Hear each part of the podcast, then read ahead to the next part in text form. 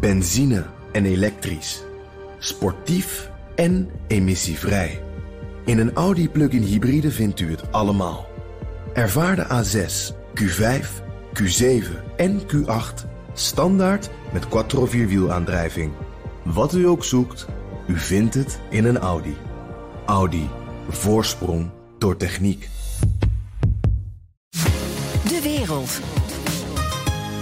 Het rechtssysteem van de Europese Unie is in een doolhof geduwd door het Duitse constitutionele hof in Karlsruhe. Inzet is wat de Europese Centrale Bank nou wel en niet mag.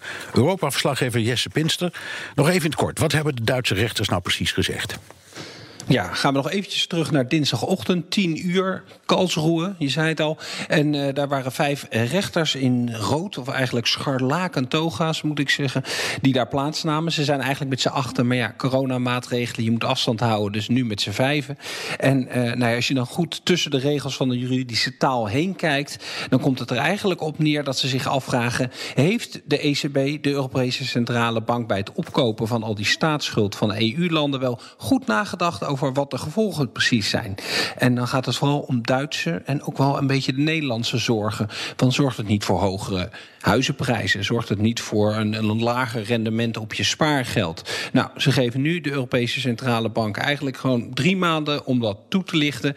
Als ze dat niet doen in drie maanden, ja, dan gaat de Duitse Centrale Bank, de Bundesbank, niet meer meewerken aan die opkoopprogramma's. En je kan je voorstellen dat ja, als de belangrijkste nationale centrale bank in de eurozone niet meer meedoet, dat dat een, een probleem is. En Terloops was er ook nog in die uitspraak van de rechters uh, uh, een uitspraak over wat er eerder besloten is door het Hof van Justitie van de Europese Unie. Dat werd eventjes vakkundig bij het grof vuil gezet, want die hebben in 2018 geoordeeld. Die Luxemburgse Europese rechters dat er helemaal niks mis was met het beleid van, het, uh, Europe van de Europese Centrale Bank. Maar uh, ja, de mannen en vrouwen in het scharlaken die uh, vonden die uitspraak betekenisloos. Ja, e-, even voor duidelijkheid, die, die, die, die scharlaken mannen en vrouwen die, gaan, die, die, die, ja. die toetsen de, de Duitse grondwet. Hè? Juist. De, ik, ja, kijk, en, oh, dat, daar gaat het even voor duidelijkheid. Oké, okay. kan dit mm. verhaal nou een eind maken aan het opkoopprogramma van de ECB net nou ze vanwege de coronacrisis weer dat weer hebben opgevoerd? In, theorie kan dat zeker. En, en je zegt het, ja, dat corona-noodprogramma, dat zogenaamde PEP-programma van 750 miljard, dat zou ook in gevaar kunnen brengen. Want juist propor proportionaliteit, dat is iets wat ze heel belangrijk vinden als ze het toetsen aan die Duitse grondwet. Dat wet, dus de Bundesverfassungsgericht, die kijkt daar heel goed naar. Ja, die, uh, die beperkingen, die, die proportionaliteit zeg maar, moeten bereiken, die hebben ze nou juist met dit programma losgelaten. Bijvoorbeeld dat ze maar een derde van de schuld van een land opkopen. Dat hebben ze voor deze coronamaatregelen gezegd. Nou ja, daar houden we ons eventjes niet, uh, niet aan. Dat gaat ongetwijfeld tot nieuwe rechtszaken leiden. Want die rechters uh, in Karlsruhe zeiden wel van... nee, het gaat, eigenlijk gaat het daar helemaal niet om. Dat benadrukten ze. Maar ja, als je vervolgens iets anders zegt... wat wel impact heeft, dan is dat natuurlijk enigszins uh, tegenstrijdig.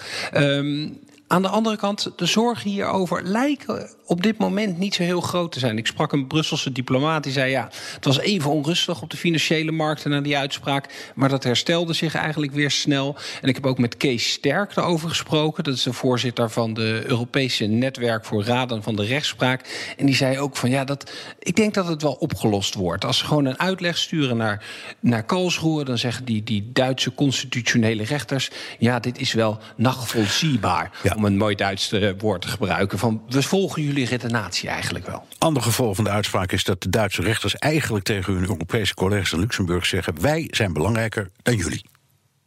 Ja, tot vreugde van de regering in uh, Warschau. Of zoals diezelfde Kees Sterk zei, ja, daar gaat de vlag uit. Nou, dat klopt. De staatssecretaris van Justitie, Sebastian Caleta, die zei... lidstaten zijn de baas en Duitsland verdedigt de soevereiniteit van Duitsland. Wat een erg kort door de bocht uh, redenering is... als je de uitspraak werkelijk gaat lezen. Maar ja, in die strijd die zij al heel lang voeren... Warschau tegen de ja, Brusselse instellingen, zal ik maar even zeggen... kunnen ze dit natuurlijk gaan gebruiken. Want zij gaan ook zeggen ja, uh, net zoals ze eigenlijk in, in Karlsruhe zeggen, jullie daar in Luxemburg hebben hier niks over te zeggen. Ja. Wat gaat het antwoord erop zijn van de politie in Brussel en van de Europese rechters in Luxemburg?